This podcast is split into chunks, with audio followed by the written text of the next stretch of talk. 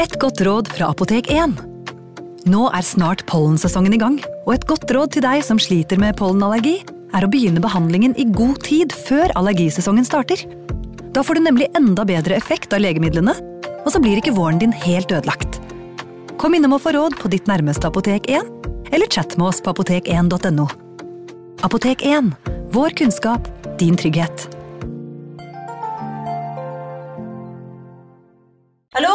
Jeg kommer fra Oslo politikammer.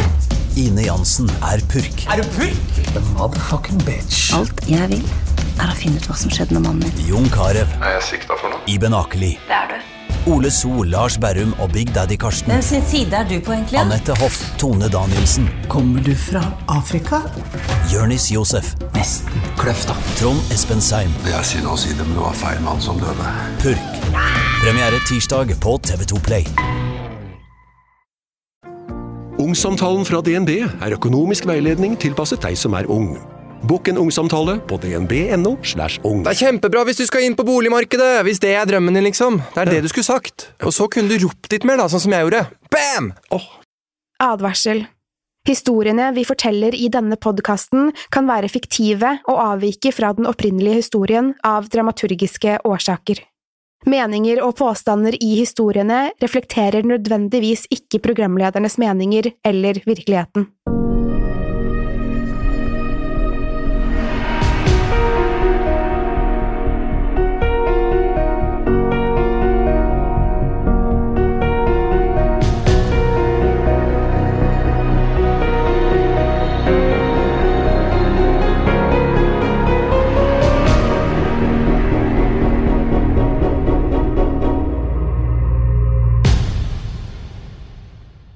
Pernille. Hallo, Jim Fosheim. Du eh, eh, har vært borte fra True Crime Pod en uke. Det har jeg. Mm. Det har eh, vært Jeg har kost meg som bare Nei, det har jeg ikke det. Ja, det var deilig. Ja, helt fantastisk. Men du virker jo i god shape i dag, og det er hyggelig. Ja, jeg har eh, Jeg er så heldig at jeg er så innmari glad i jobben min at eh, man gleder seg alltid til å Ja. komme på jobb. Så det er veldig hyggelig å være tilbake, selv om formen er på sitt laveste, nesten Det er i hvert fall Ja, jeg er ikke helt i superform, Nei. men eh, sånn er det. Vi har hatt det såpass hyggelig i dag at vi skulle egentlig spille inn 16.00. Ja. Nå er klokken 17.03. 03. Mm. Så vi har eh, prata med både han ene produsenten som folk tror er blitt borte Mm. på grunn av Robert the Doll, Mm. Felix. Mm. Lever han, eller hvordan? Ja, han var i hvert fall der nå. Ja, vi så han jo, ja. Ja. Så hvis det ikke er en eh, alternativ versjon av han, en robot, et spøkelse, et eller annet uh, skummelt, så er det Felix. Og tekniker eh, Håkon Bråten var også der. Det var han. Fått seg ny tatovering. Han har fått en ny tatovering. Gratulerer med den, Håkon. du Ja, står på. det, du er veldig kul, Håkon. Mhm. Så ingen av disse har blitt tatt verken av Robert eller noen av de andre skikkelsene vi har pratet om. Nei, det har de ikke. Og det er jo, men vi har jo sett flere som har skrevet til oss at de har brukket både ben og Ja. armer, og det er ikke måte på. Skilsmisser og Ja, det har vi også Det er mye forskjellig. Ja. Uh, Så det er ikke noe hyggelig, da. Nei, bedre hvis det ikke skjer skumle ting. Men uh, det som ikke alltid fremkommer, er om folk har beklaget til Robert the Doll eller ikke. Så har vi jo innført en ny greie om at man må beklage til alle. Ja, eller jeg vil bare si at det, Ja. det var det du som Ja, eh, ja. ønsket at folk Ja, men det var, skulle gjøre. det var så gøy med det med Robert Doll, som Ja, fikk var kjempegøy. 4000-6000 kommentarer. Jeg vet ikke hvor mange tusen det er, ja, med unnskyldninger. Så det var en fin greie, da. Veldig fin greie. Men uh, det er opp til folk om de vil gjøre det eller ikke. Ja, men jeg hadde- ser folk eh, Mm. unnskylde seg hver dag, jeg. Ja, veldig mye unnskyldninger. Så jeg hadde unnskyldt til alle. Ja. Men Ja. jeg tror jeg har vi gjort det? Det har vi faktisk ikke gjort. Eh, jeg skal jo føde snart, så jeg burde kanskje sette Ja, ned. du burde gå gjennom alle 43 postene litt asap. Det tror jeg skal gjøre i kveld. En annen uh, hyggelig nyhet da, er jo at uh, Skrekkpodden har aldri hatt flere lyttere enn den har uh, nå om dagen. Det er sant, og det er litt hyggelig med tanke på hvor mye kjeft vi får for å prate. Ja, for vi alle syns det er veldig dumt når vi sitter sånn som det her. Å, prate jo og ikke skummelt og Men eh, vi har jo sagt nå sikkert ti ganger at vi skal prate på starten, helt frem til vi får Hva blir det? Jim og Pernille Eh, vi, har ikke, sagt hva den heter ennå. Nei! Nei. Nei så vi- Alle ja, vet at at den det er våre navn, det er ikke Nei, skummelt. det- Eller det er ikke farlig å si. Nei. Sånn, eller har vi har ikke sagt det? Nei. nei Nei, vi har ikke sagt det Og så kommer det to Ja, podkaster det. med Vorses. Ja. Og den ene kommer jo til å være litt skummel, øh, faktisk. Å, fy fader. Den, eh, ja. Men den er skummel på en helt annen måte. Ja. Og da skal jeg fortelle hva som skjer da. Merk mine ord, Pernille. Mm. Da blir det sånn som på Historiepodden. Folk som digger deg i True Crime-podden, og som hører på Skrekkpodden. Så når de hører på Historiepodden, så sier de ah, jeg blir skuffet av å forvente meg mer som når Pernille prater, eller som dere prater i Skrekkpodden. Så er det en annen podkast! Alle må ikke være like. Nei, det må de ikke. Og det går an altså, Jeg syns det er veldig hyggelig at folk syns uh, det er greit å høre på meg lese. At du er best. Men, men det er ikke noe eh, Man kan lese på forskjellig måte, og det er Ja. fint. Ja. Så, Ja, det er veldig fint. ja, så det er eh, Så du trenger ikke å Ikke vær slem med Jim, da. Nei, jeg blir ikke- lei meg på Jims vegne. Ja, fordi Jeg blir faktisk det. ja, jeg, jeg blir ikke så lei meg, Men jeg tror det er fordi jeg, altså, sånn, Siden vi er venner, så vil Ja. ikke jeg at noen skal si noe slemt om deg uansett. Og da blir jeg litt irritert nå. Ja. Og, jeg- og jeg eh, Ja. Og jeg, hvis noen er slem mot mine venner, sånn som deg, så blir jeg også lei meg. Ja. Men eh, nå som vi fremdeles har lov til å prate på starten, Ja, ja. Eller vi tar oss lov, i hvert fall. ja, vi tar oss lov, Mm. eh, så vil jeg da som en smakebit på den ene av de podkastene som kortet dreier seg mye om TV og film, så har jeg hatt en stor HBO-uke med nye serier. Og de har pumpa ut både Watchmen, som jeg, jeg så filmen Back in the Days. Den eh, skuffet meg litt. Litt Jaha. kjedelig. Hva vil du gi på IMDb-skala? Filmen eller serien? Uh, var det ikke serien du så på nå? Nei, du så det, filmen. Ja, det, det var gamle dager. Den ser jeg var kjedelig. Men serien som jeg har sett nå Da har det kommet fem, Femte episoden kom i går, kommer hver mandag. Helt fantastisk. Mm. Helt fantastisk. Hva handler den om?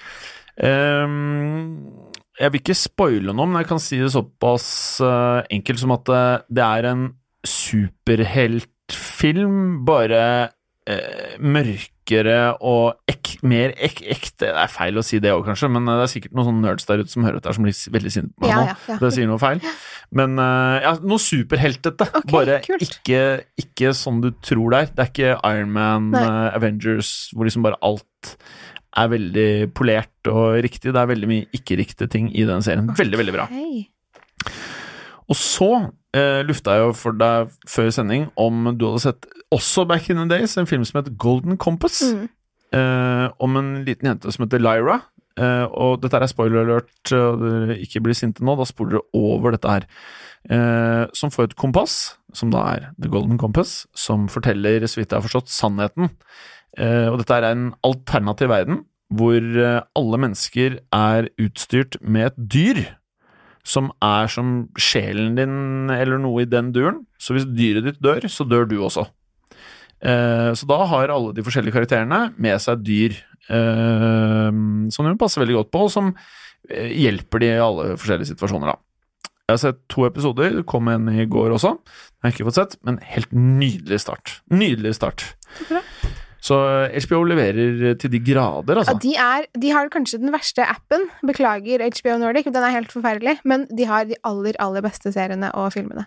Det Ja. er, eh, sånn er det bare. Ja, Så man et- tåler den dårlige appen. Ettersom jeg er veldig keen på at HBO skal sponse Skrekkpodden, Ja, så syns så jeg det er en fantastisk si. app. Ja, ja. Eh, hvis dere hører på det her. fantastisk da- app, og de beste seriene. Og hvis dere Netflix hører på, så syns vi dere har de beste seriene og beste Nå appen. helgarderer du. Jeg er sikker på det gikk fint, jeg. Ja, jeg tror det kom greit gjennom det her. Ja. Men vi sa det med glimt i øyet, da. Vi sa det med veldig glimt i øyet. Ja. Og i dag så skal vi Vi har en eller annen story i dag òg, det er ikke bare det pratet her. Det har vi jo. Vi skal jo til del to av eh, 1999. Hva husker du fra 1999, Jim? Fra når jeg levde. Ja. Mm, Jeg håper, ja, for jeg tror du er Du ble ikke født i 99, så vidt jeg vet. Nei, jo litt tidligere. Litt før. 1999, jo, det husker jeg! Mm. Det var jo faen meg året før jeg ble russ, vet du. Det er såpass. Det stemmer. Så da gikk jeg på en videregående skole i Oslo, og hadde, jeg var litt streber på karakterer, faktisk. Ja. Litt sånn at jeg skulle ha bra nok karakterer til å komme inn på jussen. Mm. Og så søkte jeg på jussen, og så kom jeg inn på jussen, men så valgte jeg å ikke starte på jussen og flytta til Skottland og begynte å studere der isteden. Ja, og der hadde jeg kommet ut uansett karakterer, tror jeg. Fordi Norge betaler noen sånne studiepenger som er veldig mye høyere, så de sier bare ja til alle. Eh, tror jeg. Eh, så da tenkte jeg, da jobbet jeg veldig hardt for ingenting. Ja, men det er, ikke at jeg lærte noe men det er vel gøy å komme inn på jussen. Er ikke, det er da ikke dårlig? Nei, det er ikke Men det var jo ikke valgt at du dro til Skottland istedenfor. Men Skottland, der kunne jeg, jeg kunne bodd i Skottland, jeg. Oh, hei, lads. Oh, hei, Lassie. You'll be moving to Glasgow. Ja, for eksempel. Ja. Eh, altså, jeg kommer ikke til Ja. å etterligne noen skotsk eh, dialekt her nå, Nei, men eh, jeg. faen, jeg bare tenker på hva jeg husker fra Banna du? 19... Ja, Jeg har aldri hørt deg høre før. Å, herregud. Nei, og det er sånn, det skal jeg prøve å unngå nå også, fordi Og så nå som du er gravid? Ja, nå som jeg skal bli mamma, så prøver jeg ikke eh, at hun- det første ordet hennes er noe sånt. Nei, nei. Så det beklager jeg til både min datter og lyttere. Mm. Men hva jeg husker ikke noe nesten fra 1990. Da var jo ikke jeg født, så det er jo Nei da. Det var, Jo. jeg var godt, jeg var godt innafor, jeg, da. Ja. Så jeg var nesten russ, og du var et lite barn. Eh, Jeg var vel ikke et lite barn, men Nei. vi kan så godt si det. Det høres jo veldig ung ut. Ung jenta.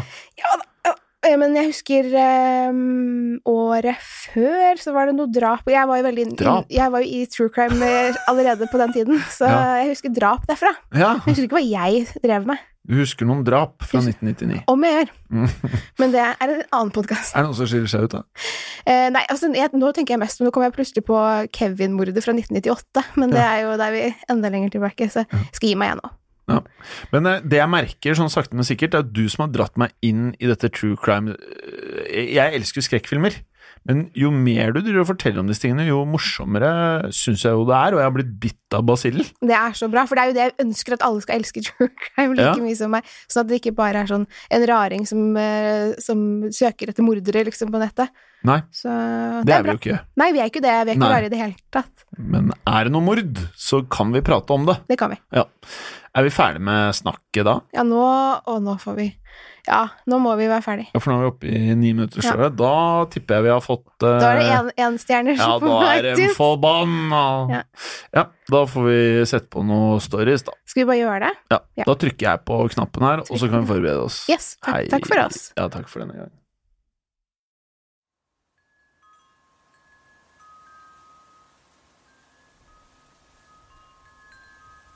«1999», skrevet av Camden Lemont. Del 2. 8. mai 2010. Jeg vet dere ikke har hørt fra meg på en stund. Beklager det. Det har vært så mye å gjøre. Blant annet har jeg tatt førerprøven. Med førerkortet på plass kjørte jeg en tur til Kaleiden på søndagstur. Jeg ville se huset igjen. Huset der den TV-kanalen fra barndommen min ble produsert. Jeg gjorde litt research og fant ut at det var en barnehage der en stund, men da jeg besøkte den, var den forlatt. Huset bare sto der, glemt av alle, med et slitent til salgsskilt utenfor vinduet. Noen eide det altså, men det virket som om de helst ville bli kvitt det. Synet av det forlatte huset vekket noen vage minner, mest fra den dagen faren min tok meg hit for å besøke Mr. Bear. En følelse av uro spredde seg i hele kroppen min. Hva skjedde med de barna mens de var inne i huset? Jeg gikk opp trappetrinnene til inngangsdøren og kikket inn et støvete vindu. Innenfor så jeg en tom korridor med noen esker stående her og der. Innerst til høyre var det en åpen dør, som jeg antok ledet til kjøkkenet. Til venstre var det to dører som sikkert ledet til andre rom. Jeg lurte på hvor inngangen til kjelleren var, og om den var stengt. Permanent, altså. Låst med planker snekret over. På baksiden av huset fant jeg svaret. Der fant jeg to dører som lå i en skrå vinkel, nesten flatt, låst med en diger hengelås. Det måtte være inngangen til kjelleren. Jeg begynte å føle meg uvel, og ville ikke være der lenger. Du aner ikke hva slags mørke tanker som for gjennom hodet mitt akkurat da. Bak huset var en åpen eng som strakte seg helt til en tett skog. Den fortsatte så langt øyet kunne se. Var det skogen der de fant likene av barna? Etter et øyeblikk tenkte jeg for meg selv, faen heller, og gikk over engen bak huset og inn i skogen. Inne blant trærne var det uhyggelig stille. Alt som brøt stillheten, var lyden av en hakkespett som gikk løs på et tre. Imens vandret jeg lenger inn i skogen, uten å bry meg om at jeg ikke ante hvor jeg var på vei. Jeg vet ikke hvordan jeg skal forklare det, men det føltes som om det var noe jeg burde finne. Etter en stund ble skogen tynnere, og jeg kunne se et par hus i det fjerne. I en lysning lå det tre solide trestammer liggende rundt et svart, kullbrent område. Noen hadde nylig gjort opp ild der. Plutselig ropte noen til meg. Hei, kom deg ut av fortet vårt! Jeg snudde meg mot lyden, og så to mennesker i mørke klær kom løpende mot meg. Det var de som hadde ropt. Mitt første instinkt var at jeg burde løpe. Men så oppdaget jeg at de bare var barn. Det virket som de var rundt 13 eller 14 år gamle. Da de kom nærmere og så hvor mye høyere jeg var enn dem, stoppet de. Den største sa en gang til at jeg burde ha meg vekk, men litt spakere i stemmen denne gangen. Jeg ble der jeg var, og bare trakk på skuldrene. Begge guttene hadde på seg band-T-skjorter som var for store, og den korteste gutten hadde en liten foldekniv i den ene hånden. Jeg fant fram min dypeste, alvorligste stemme og sa at dere ikke skulle prøve seg på noe. Deretter dro jeg mobiltelefonen min opp av lommen, så de kunne se den. Ungene gikk litt bakover, og den korteste la vekk kniven. Hei, vi vil ikke ha folk i fortet vårt, kan du ikke bare gå? sa den ene. Siden jeg ikke hadde noe oppdrag der ute i skogen uansett, sa jeg greit. Idet jeg snudde meg for å gå, fikk jeg en idé. Jeg så på dem og spurte om de hadde hørt om en mann som drepte flere barn i skogen for omtrent 13 år siden. De så på hverandre, før en av dem sa ja, alle vet om den mannen. Han er her fortsatt, han bor i reinrøret, sier de andre på skolen. Vennen til storebroren min sier at han så mannen vandre rundt i skogen om natten i bjørnedrakten en gang. Jeg tenkte for meg selv at den siste delen var løgn. Eieren av Caladen Local 21 hadde nok forsvunnet for lenge siden, og levde bare videre som en myte i dette lille, isolerte samfunnet. Likevel syntes jeg det de sa var fascinerende, og spurte hvor reinrøret var hen. Jeg spurte av ren nysgjerrighet, for jeg trodde egentlig ikke på historien til guttene. De så på meg med irritasjon og nysgjerrighet, og spurte hvorfor jeg hadde kommet helt dit når jeg åpenbart ikke var fra disse kantene. Jeg fant ut at det var best å være ærlig, bare sånn i tilfelle det begynte å gå rykter om hvorfor jeg var der. Jeg fortalte guttene historien om mitt forhold til Mr. Bear og Caladen Local 21. I tillegg fortalte jeg at jeg trengte en slags avslutning og konklusjon på det hele. Guttene hadde hørt om Kanal 21. De ble mer medgjørlige og ga meg en detaljert beskrivelse av hvordan jeg skulle komme meg til regnrøret.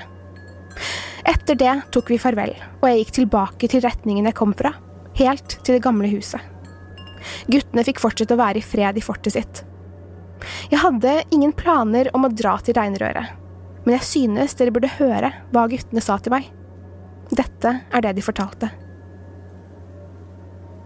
Reinrøret ligger i nærheten av fortet, i den samme retningen jeg hadde gått. Røret frakter regnvann til elven ved stormer og uvær. Rett ved der røret sender ut vannet i elven, er det en gammel, forlatt lekeplass som ingen bruker lenger. Mannen bak Mr. Bear skulle visstnok bo i det store røret som regnvannet renner ut fra. Folk sa de hadde sett han der, alltid med bjørnemasken på, noen ganger i fullt bjørnekostyme. Iblant så de han på lekeplassen der også. Jeg tror ikke noe på dette her. Det er nok bare en myte folk i Kaleden har diktet opp. Det virker ikke særlig sannsynlig at dette er sant. Ville ikke folk ringt politiet om de så en mistenkelig mann vandre rundt der? Det kan hende jeg drar og besøker reinrøret. Ikke fordi jeg tror på historiene, men fordi jeg gjerne vil ha et påskudd for å besøke Kaleden igjen. I mellomtiden skal jeg fortsette å prøve å finne ut mer. 7. oktober 2010. Det har gått nesten fem måneder siden dere hørte fra meg sist. Ta det med ro, jeg er ikke død. Jeg har bare vært for travel den siste tiden til å blogge om en ting som kunne drept meg som barn. Jeg begynte på University of Waterloo i Ontario for å studere informatikk. Det hadde tatt ganske mye av tiden min, og med så mye å gjøre glemte jeg nesten denne bloggen. Nå er jeg altså tilbake. Jeg dro nemlig tilbake til skogen i Kaleden for å finne reinrøret. Jeg kom til slutt til en lysning i skogen rett ved en myr. Dessverre fant jeg ikke noe mer enn det, bortsett fra en liten skilpadde som gjemte seg i skallet sitt da den så meg. Det var ikke egentlig et stort reinrør, men et lite et som jeg tror var designet for å transportere overflødig vann til myren. Det var ingen elv eller lekeplass å se. I hvert fall ingen mann i bjørnemaske. Jeg tror ikke han ville fått plass i det røret engang. Etter det glemte jeg å oppdatere bloggen en stund, og så virket det ikke så viktig lenger. Jeg hadde jo ikke funnet noe av interesse. Det var først nylig jeg ble interessert i saken igjen. Den 10. september fikk jeg nemlig en e-post fra adressen returnthebee, alfakrøll, hotmail.com. I e-posten sto det Kjære Elliot. Min kjære, flotte gutt. Denne historien kan være sann, Eller ikke sann, men det kunne ha skjedd. Det er mange ledige TV-kanaler, og en med nok penger kan sende innhold ut i offentligheten. Noen deler kanaler ved at noen timer er forbeholdt den ene produsenten, og resten er tilgjengelig for at andre kan sende. Kabelnettverk leier ofte ut tomme kanaler. Det er ikke så usannsynlig at en okkult pedofil kunne leie og sende på en kanal. 100 myke klemmer fra Mr. Bear. Denne e-posten er åpenbart falsk, og ikke fra Mr. Bear i det hele tatt, men den satte en støkk i meg da jeg først leste dette.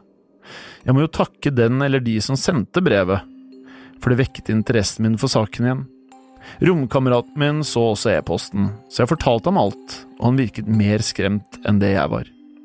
Han trodde denne mailen var fra den virkelige Mr. Bear. Jeg sa at jeg ikke trodde det var han, virkelig. Hvor stor sannsynlighet er det for at mailen er ekte? Hvordan skulle Mr. Bear vite at jeg fortsatt er interessert i saken? Han måtte ha visst om e-postadressen min også. Nei, det er nok en av dere jeg har fortalt historien til, som gravde frem mailadressen min og sendte meg dette for å skremme meg. Det funket jo litt, faktisk. Jeg skal prøve å svare til Return the Bee og se hva som skjer. Uansett så har det fått meg til å ville finne ut mer om Mr. Bear igjen. 7. november 2010 Jeg må innrømme at dette har vært et ganske traumatisk år for meg. De hadde rett, de som kommenterte på bloggen og sa at det ikke ville være lurt av meg å grave i barndommen. Jeg klarte bare ikke la være. Det har skjedd mye i det siste. Her er det som skjer nå med hele Mr. Bear-saken.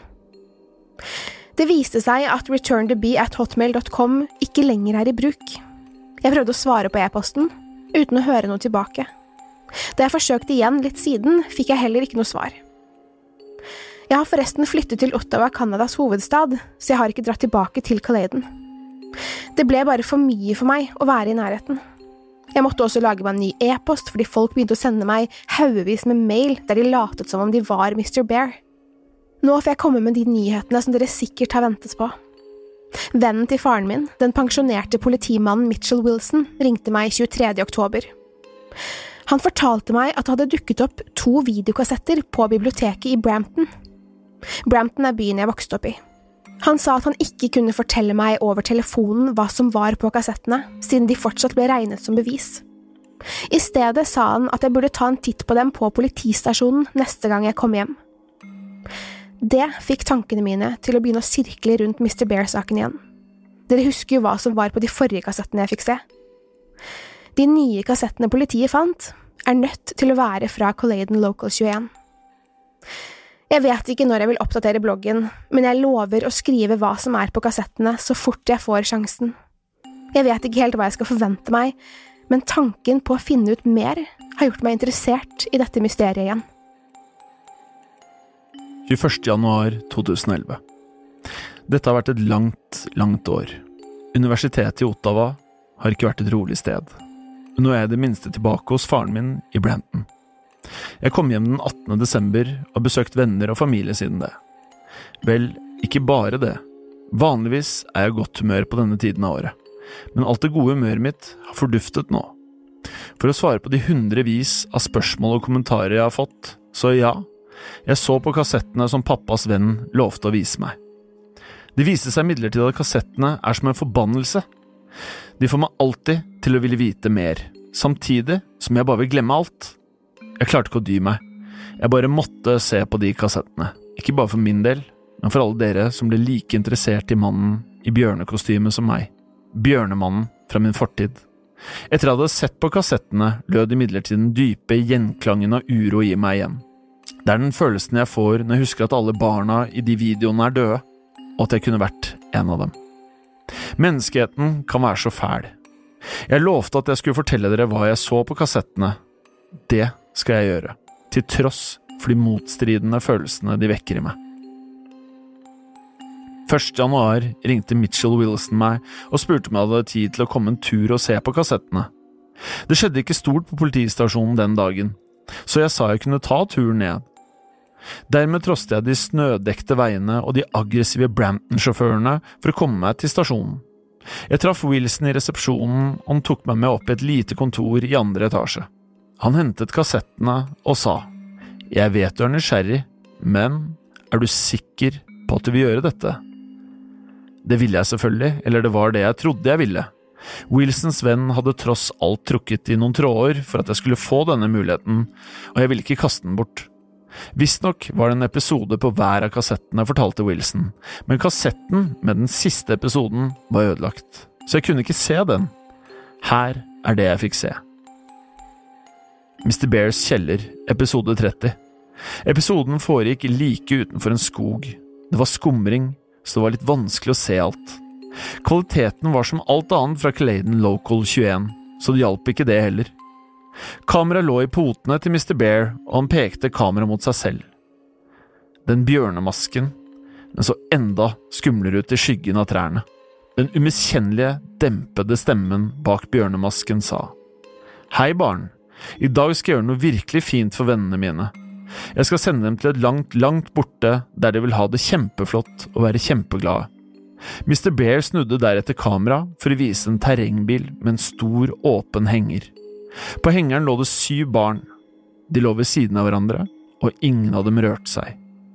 Mr. Bear snakket igjen. Dette, dette er bare den første puljen, men det kommer flere snart. Han snudde seg og pekte kameraet mot en stor striepresenning brettet utover bakken. Deretter dro han vekk presenningen, og under var det et stort hull som må ha vært nesten fire meter dypt og fem meter bredt. Mr. Bear gikk bort til hengeren og dro et av barna bort til hullet før han slapp den lille jenta nedi. Så hentet han en til og en til, helt til alle barna i hengeren hadde blitt dumpet i hullet. Jeg spurte Wilson om barna var døde allerede da, men han ristet på hodet og sa at det ikke var det. Ennå. Barna i hullet lå i rare og det som måtte være ukomfortable stillinger, men alle forble bevisstløse. Litt appelsinjuice vil garantert hjelpe barna på den store reisen de har foran seg, utbrøt Mr. Bear og vendte kameraet mot flere kanner med bensin som sto ved siden av en busk. Kameraet zoomet inn på kannene mens Mr. Bear nynnet for seg selv, og så var episoden slutt. Willison fortalte meg at dette var syv av de 16 ofrene som ble funnet brent til døde. Mannen bak Mr. Bear dynket dem i bensin og satte fyr på dem. Et hull fullt av brennende barn. Hvem kunne gjøre noe sånn? Den fæle følelsen dukket opp igjen. Jeg kunne vært et av de barna. Wilson innrømmet at han hadde løyet til meg tidligere. Den andre kassetten som politiet hadde konfiskert, var ikke ødelagt. Den var i god stand, men det var den som viste Mr. Bear brenne barna. Wilson mente jeg ikke ville takle det han beskrev som en forferdelig og svært grafisk episode. Og vet dere hva? Det kan jeg kanskje ikke. Jeg vil ikke se det. Akkurat nå er nysgjerrigheten min tilfredsstilt, og jeg trenger litt tid til å samle meg. Mannen som styrte Clayden Local 21, er fortsatt der ute. Vi snakkes igjen snart. Jeg lover å oppdatere bloggen igjen. Det var en gang en gutt som het Elliot. Elliot var en smart gutt som likte å leke med vennene sine.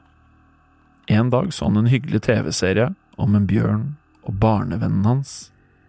Barna elsket å hjelpe hverandre slik gode barn gjør, og de elsket også Bjørn. Bjørnen elsket barna siden de var så flinke til å hjelpe han og den falne englevennen hans. Barna og bjørnen ville leke sammen for alltid, med litt hjelp av englevennen deres. Men den falne engelen trengte enda mer hjelp, så barna måtte ofre det første de hadde. Fordi det er det venner gjør, Elliot. De hjelper hverandre. Hjelp oss, Elliot. Brenn med oss, Elliot. Jeg vil ha deg, Elliot. Jeg vil ha deg. Elliot. Kom tilbake til kjelleren min, vær så snill. Stor bjørneklem fra Mr. B. 5. april 2012 Jeg ville poste mer. Jeg ville virkelig det. Det var bare at det skjedde ting som gjorde at jeg aldri hadde lyst til å nærme meg hele saken om Caladen Local 21 igjen.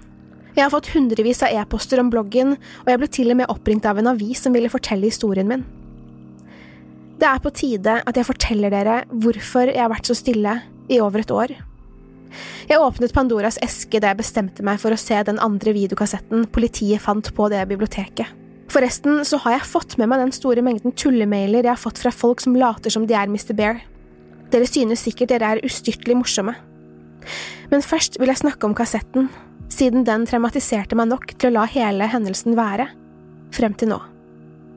Et par uker etter jeg hadde sett den første videoen, kontaktet jeg Wilson igjen og spurte om jeg kunne se den andre kassetten. Jeg vet ikke hvorfor jeg gjorde det. Jeg tror jeg hadde en følelse av at det ville få en avslutning på det hele om jeg bare så den. Wilson nølte, men jeg var sta. Til slutt kom han med et forslag. Hvis jeg fortsatt var interessert når jeg fylte 18, så ville han vise meg kassetten. Dermed kunne jeg ikke annet å gjøre enn å vente. Da 18-årsdagen min endelig var overstått, ønsket jeg fortsatt å se den siste episoden. Jeg ringte Wilson, og han innrømmet at han hadde håpet at jeg ville glemme å spørre han igjen. Denne gangen ville jeg ikke godta et nei. Han sa jeg ikke trengte å se det, men det gjorde jeg. Jeg måtte. Til slutt inviterte han meg til politistasjonen en ettermiddag. Jeg hadde sett mang en blodig skrekkfilm og tenkte at dette, dette vil jeg takle helt fint. Så feil kan man ta. Mr. Bears kjeller, episode 31 Idet episoden begynte, krøp en dyp følelse av gru gjennom hele meg. Episoden åpnet i den samme skogen som tidligere. Det var natt, og trærne så bare ut som dansende skygger i mørket. På høyre side av skjermen var det et flimrende, svakt lys. Alt jeg kunne høre, var vinden. Sakte begynte kameraet å vende seg mot lyset, helt til jeg så hullet. Opp av det steg det røyk, og jeg kunne så vidt se toppen av flammer. Wilson pauset videoen og spurte en gang til om jeg var sikker på at jeg ville se dette. Jeg insisterte på at jeg ville, selv om en liten stemme i hodet mitt sa at jeg ikke måtte gjøre det. Videoen fortsatte. Kameraet gikk mot hullet og viste den store ildgropen. Dette var hullet jeg hadde sett i den forrige episoden, men denne gangen var den fylt med noe. Jeg så noen av figurene bevege seg rundt. Et par av dem spasmet, og noen bare lå der, helt stille. Jeg visste godt hva det var. Kameraet justerte seg til det sterke lyset, og jeg kunne se brennende kropper. Rødbrent og svart hud, en uskarp virvel av bevegelse og farger. Jeg skulle ønske jeg kunne glemme hva jeg så, men man kan ikke glemme noe som dette. Det var ingen skrekkfilm. Dette var virkeligheten. Mennesker som ble drept på grusomt vis foran øynene mine. Jeg kunne ha møtt samme skjebne som dem. Plutselig kuttet videoen til soloppgang, og kameraet sto lenger unna hullet. Ilden hadde sluknet, men det steg fortsatt røyk opp av gropen. Litt bortenfor lå det noe på bakken. Jeg kjente det igjen med en gang. Mr. Bear-drakten lå tom, med bena sammen og armene ut til siden. Den var formet som et kors. Den var like urovekkende tom som da det hadde vært et menneske i den. Kameraet tok en runde rundt drakten. Over bjørnehodet lå det et lite skilt, amatørmessig snekret sammen i tre. På skiltet sto det INRI i store bokstaver. Kameraet zoomet inn på bjørnemasken, og så var episoden endelig slutt. Jeg var helt målløs. Det var som en drøm. Du kan finne mange fæle ting på internett, men jeg hadde aldri sett noe som dette før. Wilson spurte om det gikk bra med meg, og jeg presset ut et skjelvende ja. Jeg forsikret han om at det gikk fint med meg, og at videoen fikk meg til å endelig slå meg til ro med det som skjedde. Det virket ikke helt som om han trodde på meg, men han lot være å stille flere spørsmål. Likevel hadde han rett. Jeg hadde mareritt i ukevis. Mareritt om brennende barn og mannen i bjørnedrakten. Jeg ga opp. Jeg klarte ikke å bry meg om saken lenger. En forstyrret mann brant barn levende etter å ha lurt dem til seg via en falsk TV-kanal. Det kunne ha vært meg. Jeg kunne ha vært en av de barna. Men jeg var fortsatt her. Jeg burde være takknemlig, men jeg følte meg bare skyldig. Er det flaks at jeg fortsatt er her? Mange netter er fylt av mareritt om flammer. Noen ganger føler jeg at jeg ser skikkelsen av en mann i bjørnedrakt i mørkesmug. Når jeg ser nærmere etter, er det alltid bare en rar skygge som har spilt meg et puss. Det dukker opp e-poster som angivelig er fra Mr. Bear hele tiden, men jeg vet at det bare er dere som sender dem for å tulle med meg. Det må det være. Det er det nødt til å være. Skal jeg være ærlig, så hører jeg ham rope på meg iblant. I drømmene, altså. Hele denne saken har vært for mye for meg. Jeg har begynt å få rare tanker om at Mr. Bear er ute etter meg fortsatt. Det er latterlig. Likevel har jeg bestemt meg for at jeg ikke kan fortsette med dette. Jeg kan ikke fortsette å grave, for det ødelegger meg. Dette innlegget blir det siste dere hører fra meg. Jeg føler at det var rett og rimelig at dere skulle få vite hva som var på den siste kassetten. Nå vet dere det. Ikke prøv å overtale meg til å grave mer i Kaleiden Local 21, er dere snille. Jeg må forsøke å la 1999 være igjen i 1999. Farvel så lenge, Elliot. Det var en gang en gutt som het Elliot. Elliot skulle komme og besøke bjørnvennen sin i kjelleren hans. Bjørn ventet og ventet på Elliot, men han rakk ikke å komme i tide. Da ble Bjørn veldig skuffet. Bjørn bestemte seg for å hente Elliot. Han sendte mange brev og sto i mange skygger.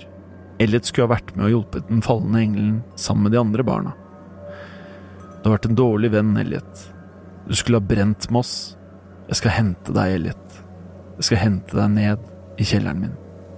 Snart finner jeg deg. Mange knusende, brennende klemmer fra Mr. B.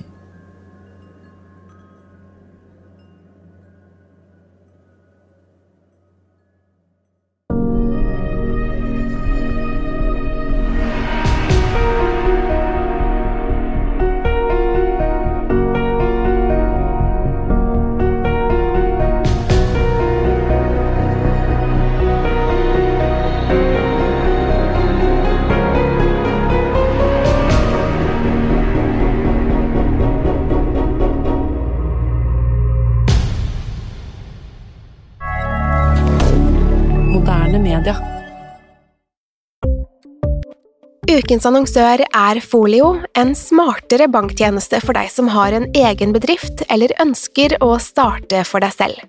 Folio er en superenkel nettbank for bedrifter. Som kunde i Folio får du en bedriftskonto med et bedriftskort og app. I denne appen er det smarte løsninger som forenkler regnskapet ditt, uansett om du har en liten bedrift eller et enkeltpersonsforetak. Folio er både intuitivt og brukervennlig, og er laget med et enkelt språk. I tillegg tilbyr de forutsigbare priser og ingen skjulte gebyrer. Skulle du likevel trenge det, så kan du snakke med deres raske og hyggelige kundeservice, og der får du prate med en faktisk person og ikke en chatbot. Folio er med andre ord både enklere og koseligere enn banken. Over 10 000 bedrifter har allerede valgt Folio som sin banktjeneste, så besøk folio.no og se hvordan Folio kan forenkle din hverdag også. Har du et enkeltpersonforetak eller en liten bedrift? Da er du sikkert lei av å høre meg snakke om hvor enkelt det er med kvitteringer og bilag i fiken, så vi eh, gir oss her, vi. Fordi vi liker enkelt. Fiken superenkelt regnskap. Kiwi er billigst i VGs matbørs og har vært billigst i fire av de fem siste VGs matbørser. Og nå presser vi prisene på frukt og grønnsaker. På 200 gram broccolini setter vi prisen til 24,90. På 400 gram Cevita blåbær setter vi prisen til 49,90. Og husk, alle Kiwi Pluss-kunder får i tillegg 15% trumfbonus på all fersk frukt og grønt.